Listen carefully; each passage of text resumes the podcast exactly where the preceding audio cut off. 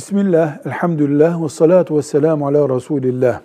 Aile bireyleri birbirlerinin telefonunda, bilgisayarında veya özel araçlarındaki şifreyi çözme hakkına sahip olabilirler mi? Mesela erkek hanımının telefonunun şifresini açar mı?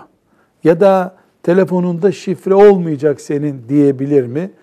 Bir ailede bu gündem varsa o aile şeytandan tokat yemiş demektir. Erkek kadınına, kadın erkeğine güvenmeli, şifrelemeyi ihtiyaç hissetmemelidirler. Şifreliyorsa eğer bu şifreye bakmaya tenezzül etmemelidirler. Erkeğin aklına bu yabancı bir erkekle görüşür, onun için şifreye bakıyorum geliyor da bunun bir hanım arkadaşının bir mesajı olabilir. Benim de onu görmem caiz değil. O sebeple bakmamalıyım niye gelmiyor? Evet anneyi anne ve baba çocuklarını denetlemelidirler ama çocukların mesela birbirlerine karşı koydukları şifreyi kırmak da aile içinde şeytandan tokat yemiş bir aile olmaktır.